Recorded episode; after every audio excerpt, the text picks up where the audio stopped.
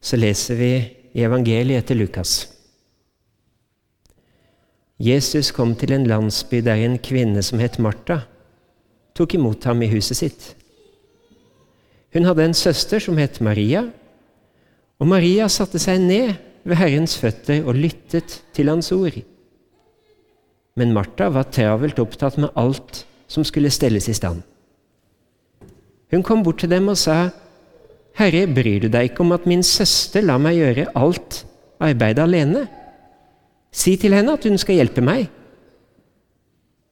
Men Herren svarte henne, Martha, Martha, du gjør deg strev og uro med mange ting, men ett er nødvendig. Maria har valgt den gode del, og den skal ikke tas fra henne.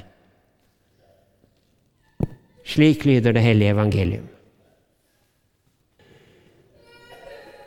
Den 31. august 1864, i et lysthus i Bergen, så ble Foreningen til evangeliets forkynnelse for skandinaviske sjømenn i fremmede havner Et kort og fyndig navn var det jo ikke. Det fikk organisasjonen senere. Best kjent som Sjømannsmisjonen eller Kjerka. Det offisielle navnet er Sjømannskirka i dag. Sjømannskirka Norsk kirke i utlandet. Når Sjømannskirkas dag i dag markeres her i Lillestrøm, og nettopp så er det fordi at det er den søndagen som ligger nærmest, tettest på stiftelsesdagen. Og når Sjømannskirkas dag i det hele tatt markeres her i Lillestrøm, så er det ikke bare fordi vi vil ha en unnskyldning for å spise vafler på kirkekaffen. Det er også fordi det er noen interessante historiske fakta som binder Sjømannskirka og Lillestrøm menighet sammen. Stikkordet er Stor-Johan. Johan Kort Hermans Stor-Johan, født 1832, død i 1914 han var nemlig initiativtaker til å starte Sjømannskirka. Han var altså i det lysthuset i Bergen. Og i 1868 så var han den første norske presten i den første norske sjømannskirka i London. Den ligger i de gamle havneområdene i Docklands. Der tok de bl.a. imot tømmerlast. Tømmerlast som hadde gått ned Glomma og ut til Sarpsborg og Fredrikstad og så skulle til det engelske markedet. Og min første faste prestejobb var for øvrig å være sjømannsprest i akkurat den sjømannskirka. I 1874 så hadde Stor-Johan flytta tilbake til Norge. Og Han bodde på Sagen i Oslo. Han jobba i Indremisjonen. Stor-Johan hadde et stort hjerte for at kirka skulle være relevant i en ny tid. Han hadde vært i England. Han var inspirert av det som skjedde i London med store teltmøter, så Storjohan kjøpte sirkustelt for å ha store teltmøter rundt om på Sagena i Oslo. For der var jo industrialiseringa i gang. Folk flytta til Oslo i bøtter og spann.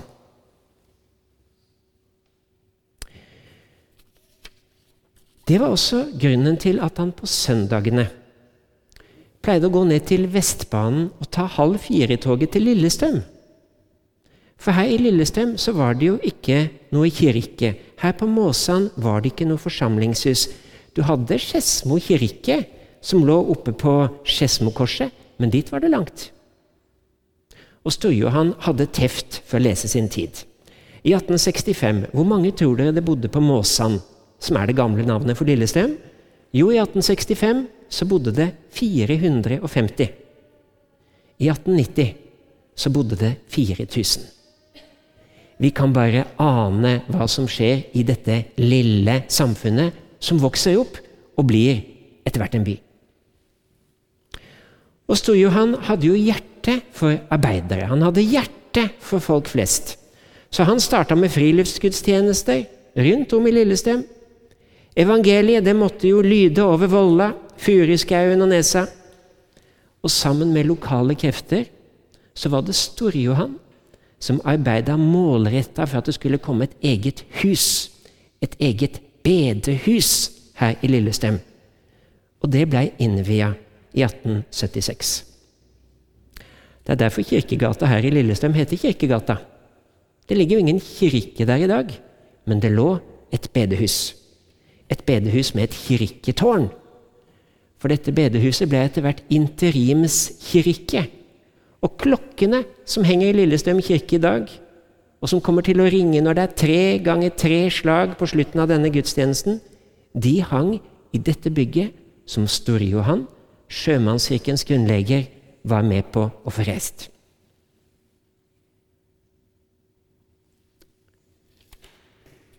Jeg vet ikke om du har vært på ei sjømannsrekke. Kan alle som har vært på ei sjømannsrekke, en eller annen gang, rykke opp ei hånd? Det er ganske mange. Det er ganske mange.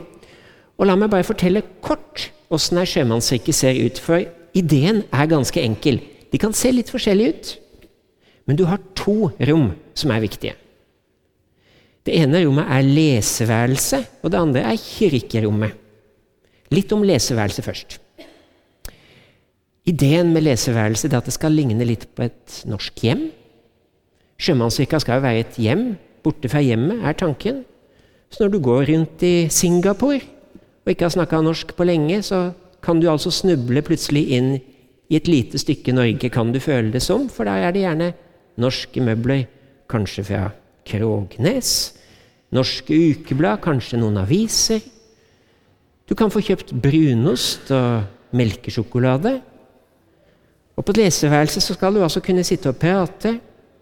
I gamle dager så skulle du kunne sitte og skrive brev hjem til mor. Kanskje var du førstereisgutt.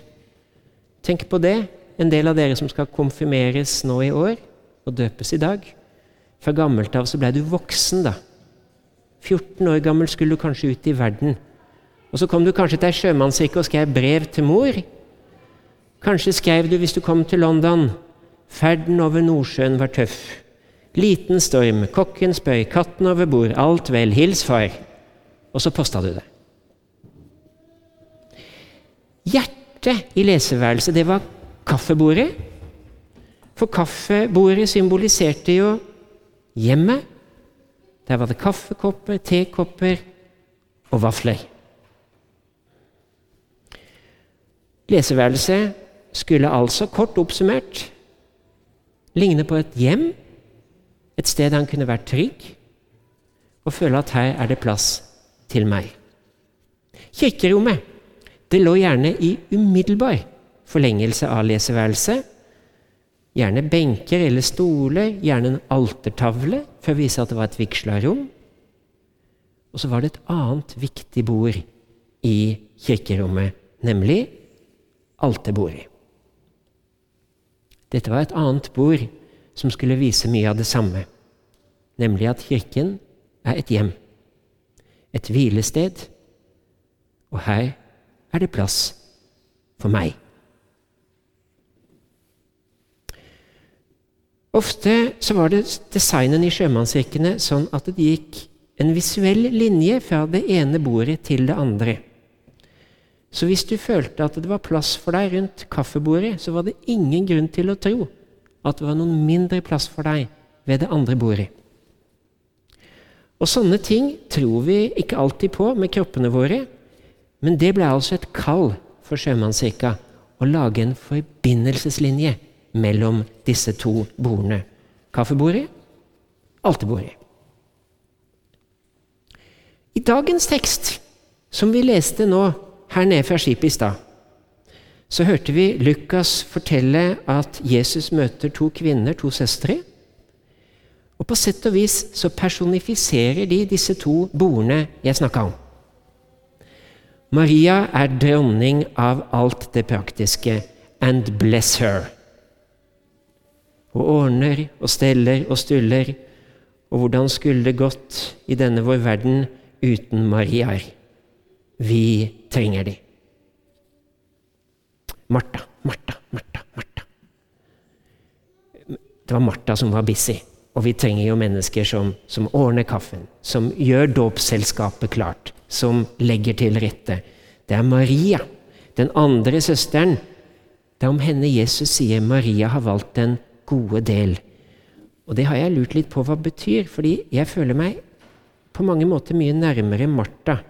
Jeg syns faktisk ofte det er lettere å ordne ting enn å finne ro. Så hva betyr dette med at Maria har valgt en gode del? Noen få tanker om det til slutt i denne preken. Det første jeg tenkte, det er at av og til når vi har besøk hjemme, og kanskje er det sånn med dere òg, da er det som verdt lett å bli så travel med alt det praktiske at han glemmer å sette seg ned med selskapet. Han glemmer relasjonen. Han glemmer vennskapet. Han blir så travel med å legge til rette at han glemmer den andre. Og på riktig dårlige dager så kan jeg ta meg sjøl i å gå inn i martyrrollen og føle at folk er liksom ikke takknemlige nok for alt den har gjort.